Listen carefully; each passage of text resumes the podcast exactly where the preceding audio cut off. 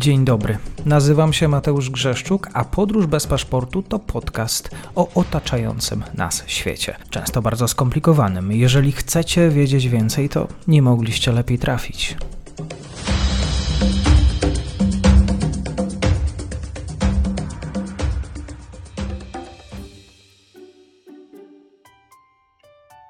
Dzień dobry Państwu, dzień dobry wszystkim słuchaczom. Dzisiaj wyjątkowy odcinek, bo rozmawiam o czworonogach. Ja przyznam, że przyjąłem wyzwanie Państwa o to, żeby nagrać odcinek o zwierzakach, kiedy opublikowałem e, zdjęcie mojego nowego psa, mojego właściwie pierwszego e, psa, Bailey, suczki Labradora. Ponad 100 tysięcy odsłon, no, proszę Państwa, opłaca się publikować zdjęcia psów na social media.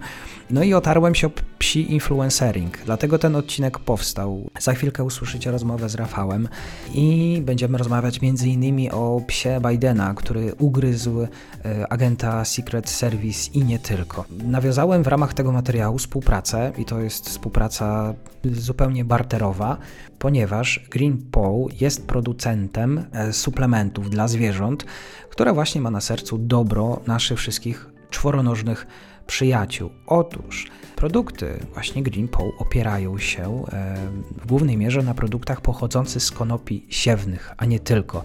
To są produkty z CBD, które w jakiś sposób wyciszają naszego zwierzaka. Ja myślę, że właśnie psu Bidena przydałby się ten e, taki olej konopny dla zwierząt, a przede wszystkim nadchodzi czas Sylwestra.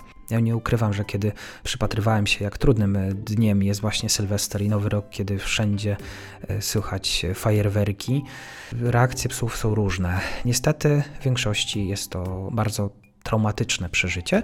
Stąd wszystkim właścicielom e, czworonogów polecam produkty Green Paw. Baila suszka, która podczas tego nagrywania właśnie, która leży mi pod nogami, już miała okazję e, spróbować produktów na lepszy sen, na, lepszy, na wyciszenie, na uspokojenie, więc e, polecam wszystkim te produkty. Stałem się właśnie psim influencerem, nigdy w życiu nie pomyślałem nawet, że, że, że nagram taki odcinek. No i drodzy Państwo, zachęcam do zakupów w sklepie Green Paw. Mamy oczywiście kod rabatowy na hasło BPP 23, czyli PBP 23, mają Państwo 23% zniżki na wszystkie produkty. A teraz y, posłuchajcie audycji.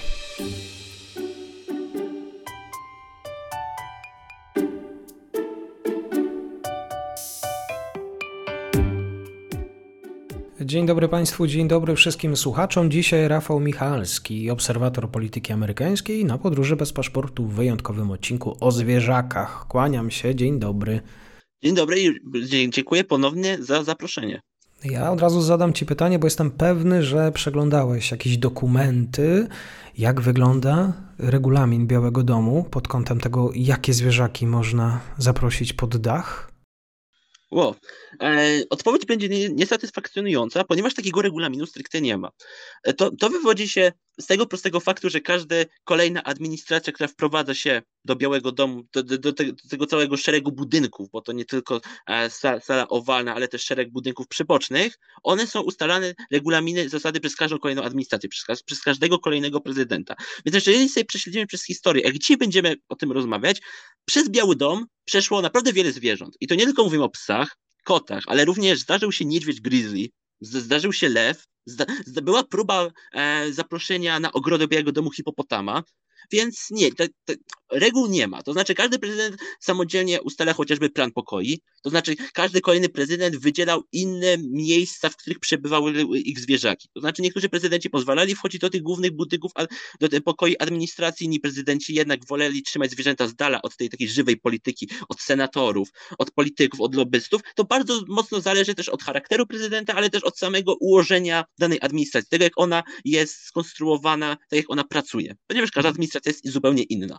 To ja jeszcze mam bardzo długie pytanie, właściwie kilka pytań w jednym pytaniu.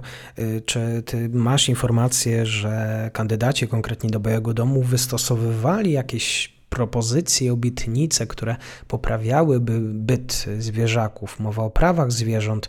Być może też kandydaci występowali w trakcie kampanii wyborczych y, właśnie ze zwierzętami, no bo wiadomo, wygląda to bardzo dobrze komunikacyjnie. U, e, zacznę od końca. Tak, zwierzęta odegrały bardzo kluczową e, rolę w kampaniach wyborczych, a konkretnie w dwóch kampaniach wyborczych. Tylko, że żeby zrozumieć, dlaczego zwierzęta odgrywały taką rolę, to musimy odpowiedzieć na pierwsze pytanie. To znaczy, czy w Ameryce jest debata na temat zwierząt? I odpowiedź brzmi tak, a a, a, a, rozszerzając to, w Ameryce od samej epoki kolonialnej bardzo dużo o zwierzętach się rozmawia i pisze, ponieważ Amerykanie tak naprawdę od połowy XVIII wieku byli bardzo mocno zainteresowani historią naturalną. To znaczy, jednymi z najlepiej sprzedających się książek na rynku amerykańskim kolonialnym, a, a później tego, tego nowego młodego kraju, to były właśnie książki poświęcone przyrodzie, zwierzętom, naturze szeroko pojętej. Wszelka historia naturalna, e, wszelkie publikacje dotyczące konkretnych zwierząt, ich zachowań. Amerykanie są od, od zarania swojego, swojej państwowości bardzo mocno zainteresowani tym tematem. A dlaczego? Ponieważ Amerykanie od samego początku byli bardzo blisko natury. Właśnie, bo kiedy spojrzymy na erę kolonizatorów, no to kolonizatorzy przypływali do Ameryki odkrywać nowy ląd z psami. Znaczy psy były integralną częścią każdej wyprawy kolonizatorskiej, ponieważ to one chociażby pomagały eksplorować te nowe tereny. A z drugiej strony były te natywne ludy amerykańskie, które również e, czciły w pewien sposób zwierzęta, też znowu psy. Psy są najważniejszymi zwierzętami amerykańskimi, nie orzeł, ponieważ te ludy, e, e, te, te ludy natywne albo czciły zwierzę, psy faktycznie jako pewien rodzaj emancypacji boskiej. To znaczy, że zwierzę jest pewnym uosobieniem boskiej, boskiego świata energii, które zostało do nas zesłane i które my musimy jakowiek celebrować. To, to tutaj głównie te, te ludy indyjskie z centrum te Ameryki Północnej.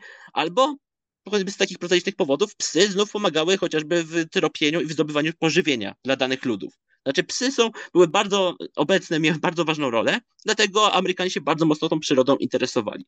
I same zwierzęta, i kiedybyśmy prześledzili sobie od tego, od, od tego XVIII wieku do dzisiaj rolę zwierząt w życiu amerykańskiego życia, to byśmy bardzo dobrze mogli zaobserwować, jak się zmieniało w ogóle amerykańskie społeczeństwo.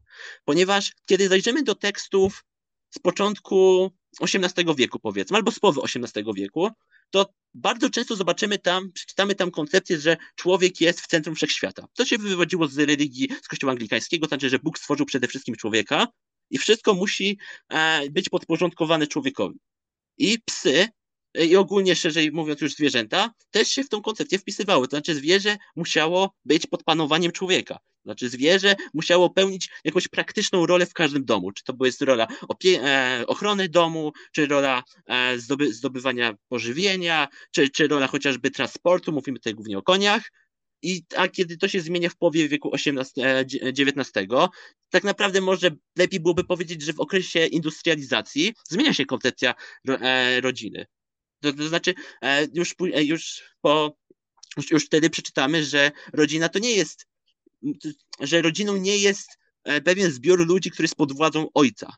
To czyli mówimy o rodzinie, ale mówimy też o współpracownikach, o uczniach, mówimy o chociażby o lokajach czy o osobach, które zajmują się domem, ale w czasach industrializacji o rodzinie zaczęło się pisać jako o więzach krwi. Znaczy, że rodzina to są ci najbliżsi, z którymi jesteśmy związani w ten taki wręcz genetyczny, biologiczny sposób. I wtedy też się zmieniła koncepcja e, e, roli zwierzęcia, ponieważ zwierzę już nie było pod panowaniem pana, ojca, tylko zwierzę było faktycznie częścią rodziny. Znaczy, mimo że nie było z naszej krwi z powodów oczywistych, to, to, to zaczęto na nie patrzeć jako faktycznie na członków rodziny. I kiedy sobie spojrzymy znów, ja, znów na zwierzęta domowe, no to kiedy e, w czasach industrializacji bardzo popularne zaczęło być, e, e, być kupowanie czy zajmowanie się kotami. Kotami, które wcześniej były postrzegane tylko jako element Amerykanie mówi, mówili o kotach just plain cats. To były koty bezdomne, które czasami się dokarmiało, które sobie chodziły od domostwa do domostwa, ale koty po prostu miały, mówiąc kolokwialnie, łapać myszy i utrzymywać pewną czystość. Ale kiedy zmieniła się koncepcja rodziny, że więzy, e, więzy krwi, no to już koty zaczęły być kupowane, no bo to już była część naszej rodziny. To nie były te bezdomne koty, które łaziły od domostwa do domostwa, a to byli nasi przyjaciele. Więc to faktycznie widać, że na przykładzie tych zwierząt możemy zobaczyć, jak zmieniała się koncepcja zwierzęcia. No i tak, e, inaczej na zwierzęta patrzył Washington, który, do którego pewnie musimy przejść osobno, ponieważ to jest przypadek wyjątkowy, ale różniło się od tego, jak chociażby zwierzętami zajmowała się rodzina Kennedy w latach 60. XX wieku. I tak, i dlatego e, powiedziałem, że były dwie kampanie, w których te zwierzęta odegrały istotną rolę. Pierwsza kampania to, były, to był rok 1920 to był Warren Harding. To znaczy, kiedy republikanie w latach 20. próbowali zbudować opozycję wobec Ameryki otwartej na świat, to jest Ameryki, która zaangażowała się w konflikt w Europę, Wilsona, który całe miesiące przebywał w Europie, bo tak było. Podczas, podczas e, konferencji on wylatywał na bardzo długi okres ze Stanów Zjednoczonych, pracą nad polityką wewnętrzną zajmowali się jego współpracownicy, to republikanie prowadzą taką politykę izolacjonistyczną, mówili, proszę Państwa, proszę patrzeć na Warrena Hardinga. I tam się pokazywało zdjęcie Warrena Hardinga z kim? Z psem przy swojej nodze. Bo Warren Harding to właśnie był miał człowiek rodziny, człowiek skupiony na wewnątrz, na domostwie, na rodzinie, więzy krwi. A kto miał być więzem krwi? No zwierzę. Pies miał być tym takim symbolem nowej Ameryki otwartej dla Amerykanów, a nie dla całego świata. I, te, I, kiedy republikanie otworzyli tą puszkę Pandory psią, to później i psy się pojawiały w kampanii Coolidge'a, w Hoovera i przede wszystkim w kampanii Franklina Delano Roosevelta, który był wielkim, e, który był wielkim fa fanem to jest złe słowo, ale miał wielką miłość do wszystkich zwierząt. Nie tak wielką jak Theodore Roosevelt, ale, ale w Białym Domu Franklina Delano Roosevelta bardzo wiele psów się przewinęło i chociażby e, i, i, i chociażby e, niesławna anegdota. To były wybory roku 1944, w których e, republikanie oskarżyli Franklina Delano Roosevelta, że na swoje wyprawy dookoła świata właśnie zabierał jednego, jednego ze swoich zwierzaków. No i republikanie uknuli takiego, dzisiaj byśmy powiedzieli fake newsa, że kiedy podczas jednej z takich podróży Franklin Delano Roosevelt zapomniał wziąć swojego psiaka, z, z jednej z takich podróży zagranicznych, to miał wysłać wielki e, wojskowy, e, wielki wojskowy statek, wysłany tylko po to, żeby tego psiaka odebrać z, tego, z tej drugiej półkuli świata.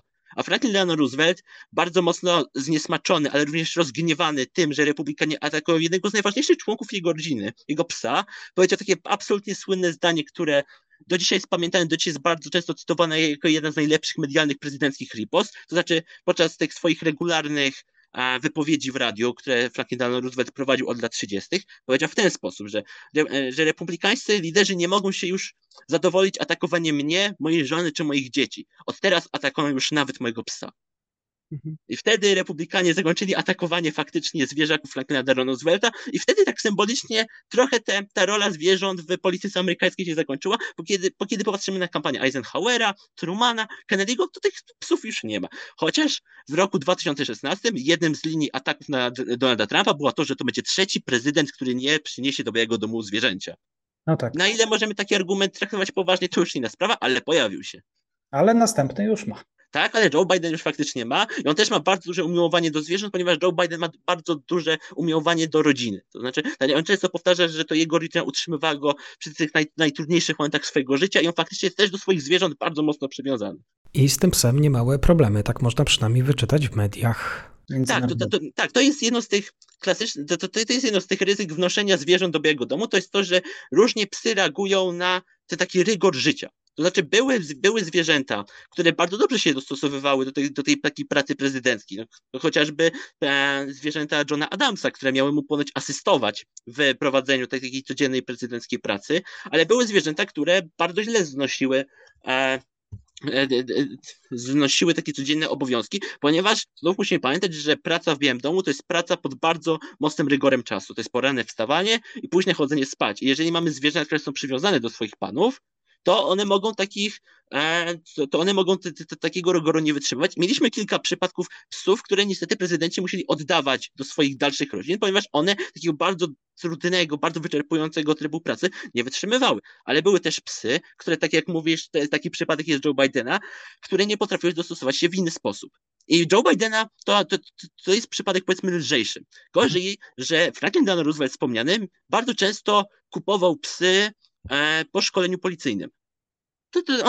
E, bo, bo, bo, bo, te psy, patrząc na praktykę, później zazwyczaj tak były oddawane do adopcji albo sprzedawane. Nikt, nikt, się, nikt, nikt później po tej jej służbie, nie, e, służbie tych zwierząt nie patrzył, jak one kończą, więc Franklin Delano Roosevelt miał taką praktykę swoją, że takie psy odkupował. Część z nich faktycznie przygarniał i zdarzyło się, że jeden i drugi taki pies potrafił zaatakować osobę, która zdaniem tego psa niewłaściwie weszło do pokoju. I mieliśmy niesławne przypadki senatorów czy członków Izby Reprezentantów, którzy byli zaatakowani za nogę, którzy musieli szybko uciekać z pokoju owalnego i Franklin Delano Roosevelt musiał poprosić ochronę, czy mogliby, czy mogliby mu pomóc tego psa wynieść. Więc faktycznie to się zdarza. I no, no cóż, To jest ryzyko pracy w białym domu, pełnym zwierząt. A, a tutaj, będę, a tutaj e, powiem w ramach ciekawostki, że Theodore Roosevelt miał pomysł, żeby do Białego Domu przynieść tygrysa. Jako znów wielki zwolennik, e, o nim też warto byłoby powiedzieć osobno. Franklina Delano Roosevelta dzisiaj kojarzymy przede wszystkim, oprócz bycia prezydentem, kojarzymy go za tą wielką wyprawę na safari. Znaczy to, y, te, te, te seria zdjęć, w których on chwalił się dziesiątkami zwierząt, które on upolował, które skóry później przywi przywiózł do Białego Domu. I to jest jedna strona medalu. Z drugiej strony jednak Theodore Roosevelt był wielkim miłośnikiem zwierząt. Tylko, że on był wielkim miłośnikiem zwierząt, które miały, które miały być upolowane. Jak to dziwnie nie zabrzmi, jako on człowiek polujący miał dużą słabość do zwierząt, do których on polował.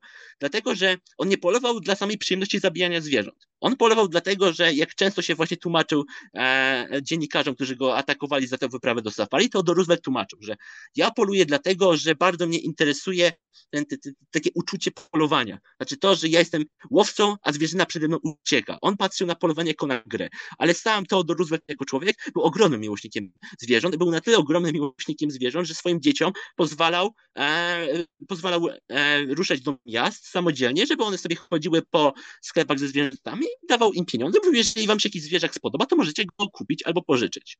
To się to się też, też bardzo często źle kończyło, ponieważ jest jedna słynna anegdota, jak jeden z jego synów do Białego Domu przy, e, pod koszulą przewiózł węża prawdopodobnie z Afryki. I ten wąż, podczas gdy, gdy syn rozmawiał z swoim ojcem, syn chciał pokazać Teodorowi, jak, jakiego to przyniósł pięknego, e, egzotycznego węża, okazało się, że wąż uciekł.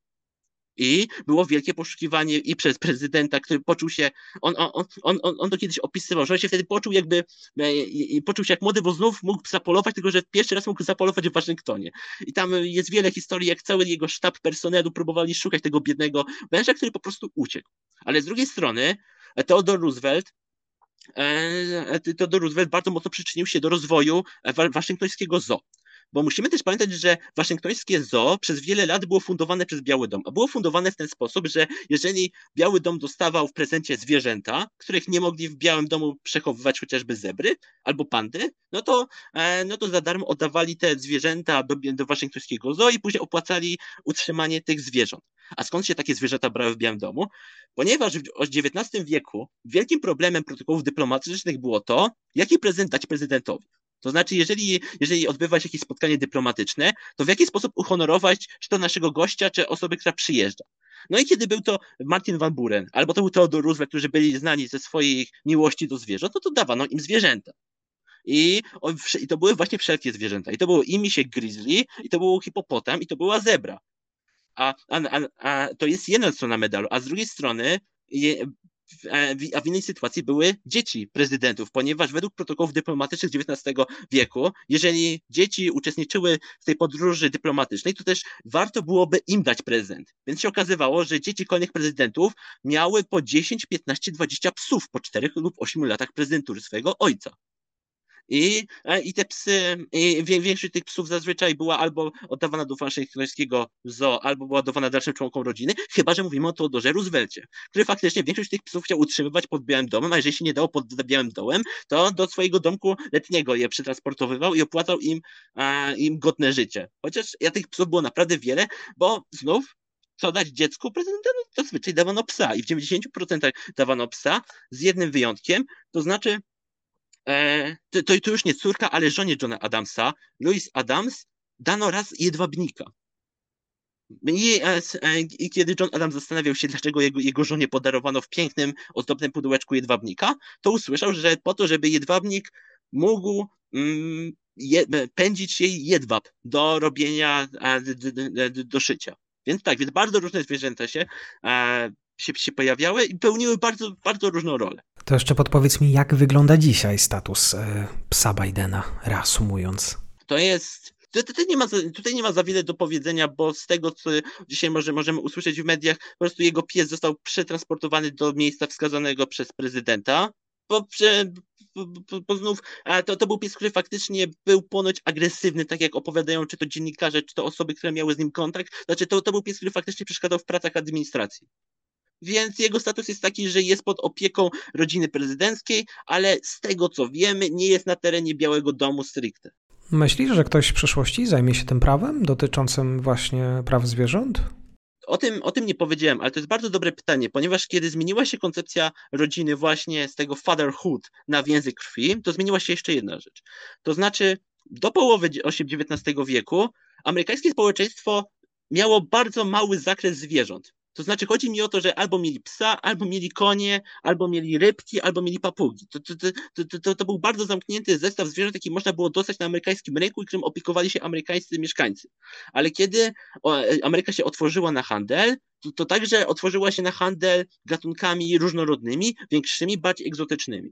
I wtedy pojawiła się w latach 80., 90. XIX wieku bardzo poważna dyskusja, e, szczególnie wśród rolników, ale też wśród tego ruchu e, rodzącego się populistycznego, to jest na ile taki handel egzotycznymi, chociażby rasami psów jest etyczny. To znaczy, na ile wartościowanie życia zwierzęcia tylko na podstawie rasy, z jakiej się wywodzi, i, e, i mówienie, że ten pies ma większą wartość i to o wiele większą wartość, czasami wartość sięgającą setek tysięcy dolarów, bo w połowie XIX wieku bardzo popularne stały się wielkie targi psów znaczy, na które zjeżdżała się cała Ameryka. To były targi zazwyczaj w Waszyngtonie, w których prezentowano nowo odkryte rasy psów i najbogatsi Amerykanie mogli sobie taką nową rasę psa kupić. I wtedy faktycznie zrodziła się dyskusja, na ile powinniśmy różnicować rasy zwierząt. I to jest dyskusja, która, trwa do dzisiaj, od tych lat 80., 90., 90., XIX wieku, tylko ona właśnie zmutowała. Zmutowała z rozmowy o rasie na na faktycznie na prawa zwierząt. To, to jest dyskusja, którą my także w Europie dobrze znamy, chociażby dotycząca zwierząt futerkowych. Znaczy, na ile możemy wykorzystywać te zwierzęta, które, tak jak mówi, mówią czy to aktywiści, czy to politycy, czy naukowcy, zwierzęta, które mogą cierpieć. To znaczy, jeżeli zakładamy, że zwierzę jest częścią naszej rodziny, tak jak zakłada to nowa koncepcja, no to czy możemy członkom naszej rodziny, e, czy, czy, czy możemy, w ta, możemy w taki sposób wykorzystywać w taki bardzo masowy, często w fabrykach, często w fabrykach, które są nieuregulowane, ponieważ wiele stanów amerykańskich, szczególnie tych na głębokim południu, ma bardzo wąskie reguły i, i normy prawne, które regulują sposób działania chociażby ferm albo, albo masowego uboju zwierząt rolnych. To, dla, dlaczego, dlaczego to się stało? To też jest bardzo mhm. interesująca historia, ponieważ e, ponieważ to, to będzie inaczej. Ostatnim, ostatnim prezydentem Stanów Zjednoczonych, który miał krowę to był y, prezydent Taft. To był rok 1910, 1911, 1909. To był ten okres, kiedy prezydent Taft miał, mia, miał krowę w Białym Domu. Faktycznie miał krowę na terenie Białego Domu. I musimy sobie uświadomić, że do początku XX wieku Waszyngton tak naprawdę był zbiorem ulic, budynków, które były umieszczone na terenie wiejskim. To znaczy, to znaczy w Waszyngtonie bardzo często ci zamożni amerykańscy mieszkańcy Waszyngtonu mieli swoje, mieli, mieli swoje farmy właśnie na terenie tego stanu, tylko że poza miastem, na których mieli swoje dziesiątki zwierząt. I, I tak bardzo często robili też prezydenci. To znaczy, bardzo wielu prezydentów podczas swojej aktywnej prezydentury mieli także swoje farmy niedaleko Waszyngtonu. No, chociażby właśnie wspomniany wcześniej Martin Van Buren, który prowadził sobie farmę równocześnie. Albo był prezydent Lincoln, który, który postawił sobie taki bardzo ambitny cel, że on chce zbudować w Waszyngtonie e, farmę owiec. To znaczy w Waszyngtonie nie było, nie, nie było dużych skupisk owiec, więc on sobie zbuduje skupisko owiec i faktycznie to skupisko owie, owiec, e, później handel nimi, tymi owcami mu się opłaciło. On to wszystko robił w czasie swojej prezydentury, żeby była jasność, nie tylko wcześniej przed prezydenturą, a także podczas prezydentury. I dlatego te prawo dotyczące roli nie było unormowane, dlatego że z tego nieunormowania prawa rolnego korzystały elity waszyngtońskie. Dlatego, dlatego ci wszelcy lobbyści, czy to w czasie industrializacji, czy w czasie e, tej, tej rewolucji progresywnej Teodora Roosevelta, Teodora Roosevelta, który faktycznie szereg norm chciał wprowadzić, to on, to on między innymi w swojej kampanii prezydenckiej mówił o faktycznych prawach zwierząt, nie tak daleko idących, jak dzisiaj myślimy, ale mówił o prawie zwierząt, no to to były reformy, które były blokowane z jednej strony przez szeroko pojęty kapitalizm, znów wyrosły na erze industrializacji, a z drugiej strony właśnie były przez, przez mieszkańców Waszyngtonu, którzy byli mocno związani z tym takim, e, z tym takim kapitalizmem wiejskim, tak, tak, tak, użyję już takiego sformułowania. Dlatego do dzisiaj nie udało się zbudować regulacji dotyczących, e, d, d, d, dotyczących chociażby wykorzystywania zwierząt. I to jest dyskusja, która faktycznie do dzisiaj trwa. Ona trochę e, wygasła z tego powodu, że bardzo że elektoraty różnych stanów różnie na tą koncepcję patrzą. To znaczy, kiedy byśmy popatrzyli na sondaże wśród mieszkańców głębokiego południa, chociażby Alabamy, a Kalifornii, to są dwa elektoraty, które zupełnie inaczej myślą o prawach zwierząt. I politycy sobie bardzo dobrze z tego zdają sprawę, że nie da się zbudować prawa, które byłoby uniwersalne dla całego kraju, ponieważ znów inaczej będzie mówiła prowincja, a inaczej liberalne miasto. I takie dyskusje się pojawiają bardziej na terenie Stanów, konkretnych, chociażby z dwa lata temu bardzo, dużo, bardzo mocno debatowano na temat praw ryb na Hawajach, to znaczy jakby ograniczyć e, ów ryb, rybactwo, żeby faktycznie tą gospodarkę wodną uratować na Hawajach. Więc tak, te dyskusje są, ale one nie, nie są w Waszyngtonie. Z jednej strony przez to, że nie ma tradycji regulowania kapitalizmu wiejskiego, a z drugiej strony właśnie przez to, że nie ma możliwości zbudować jednego uniwersalnego prawa. Drodzy Państwo, może Państwo mają jakieś przemyślenia dotyczące właśnie posiadania psów, zwierząt, praw zwierząt, może też e, któryś ze słuchaczy mieszka w Stanach Zjednoczonych i posiada swojego czworonoga, to ja zapraszam do komentowania pod naszym odcinkiem. Świetne oczywiście przygotowanie, jak zawsze Rafał Michalski po drugiej stronie. Tak, to, to może, może jeszcze na zakończenie w takim razie o jednej, o jednej, o jednej szalenie interesującej ciekawostce, to znaczy jeżeli byśmy pomyśleli, jakie może być najpopularniejsze zwierzęcie hodowane w domach prywatnych Amerykanów, to co byś powiedział, że w XIX wiek to jest najpopularniejszym zwierzęciem, które XIX możesz spotkać. Wiek? XIX wiek, bo to jest istotne. To według ciebie jest takim najbardziej powszechnym. Dobra, no to strzelam, że jakiś świstak. A to, a, to jest bardzo dobry trop. I zaraz, a to, to jest bardzo dobry trop, ponieważ z jednej strony były to wywiórki, a z drugiej strony to były papuszki. Dla mhm. wiewiórki dlatego, że ich wychowanie, to znaczy ich chów był bardzo tani, ponieważ wiewiórkom wystarczyło dać jedzenie, które było powszechnie dostępne. Ale z drugiej strony były papuszki. Dlaczego papuszki były bardzo istotne? Bo to jest wątek, który bardzo, bardzo, bardzo mi zależało, żeby go poruszyć, ponieważ to jest mało znany fakt. Papuszki były najpopularniejszym zwierzęciem w XIX wieku i to był jedynym zwierzęciem, które moglibyśmy zobaczyć przenosząc się w czasie i w domu bogatych arystokratów amerykańskich i w domu najbiedniejszych Amerykanów z prowincji. Z jednej strony dlatego, że papuszki były ogólnodostępne i były bardzo tanie, to znaczy była, ponieważ łapanie ptaków w obu Amerykach było, było powszechne, ale z drugiej strony ptaki były postrzegane jako symbol tej takiej wymarzonej komórki rodzinnej. To znaczy chowanie, że znaczy ptak w klatce, którym musi się opiekować dziecko, było postrzegane jako trening, jako, nauczy, jako nauczenie dziecka, w jaki sposób powinna wyglądać idealna monogamiczna rodzina.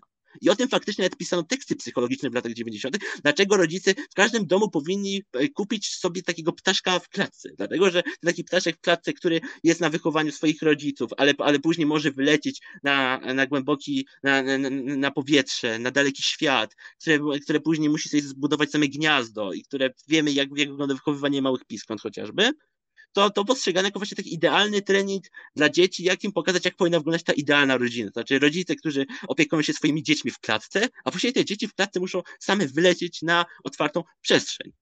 Dlatego papuszki były najpopularniejszym zwierzęciem w XIX wieku i to, to się zmieniło dopiero właśnie w roku, e, w wieku XX, w którym właśnie, jak powiedziałem, otwarto się i to z jednej strony na nowe rasy, ale z drugiej strony ogólnie na koncepcję zwierzęcia i wtedy faktycznie koty stały się popularne, króliki stały się popularne, chomiki stały się popularne. Wiewiórki już wtedy straciły na popularności, ponieważ e, ponieważ spowszedniały, ale zwierzęciem arystokratycznym, tak naprawdę do II wojny światowej, zwierzęciem, na które mogli sobie pozwolić tylko i wyłącznie najbogatsi Amerykanie, to były młode jelenie. Jeżeli któryś Amerykanin miał w swoim domu lub na swoim ogródku młodego jelenia, to znaczy, że to był Amerykanin najlepiej usytuowany społecznie. To, to nawet jeżeli Państwo zaczną sobie czytać książki z tego okresu, albo filmy, które próbują rekonstruować drugą połowę XIX wieku, nawet początek XX wieku, jeżeli Państwo zobaczą, że tam jest jeleń, to znaczy, że to jest człowiek, który ma bardzo wysoką rangę społeczną. Często nawet prezydenci nie mogli sobie pozwolić na jelenia. Rafał Michalski, bardzo dziękuję za dzisiaj. Państwu dziękuję za odsłuchanie tego nietypowego odcinka. To ja bardzo dziękuję i życzę miłego wieczoru albo poranka. Na zakończenie przypominam o kodzie PBP23 do GreenPow na produkty dla zwierząt, które sprawią, że Sylwester będzie naprawdę spokojniejszy. Do usłyszenia.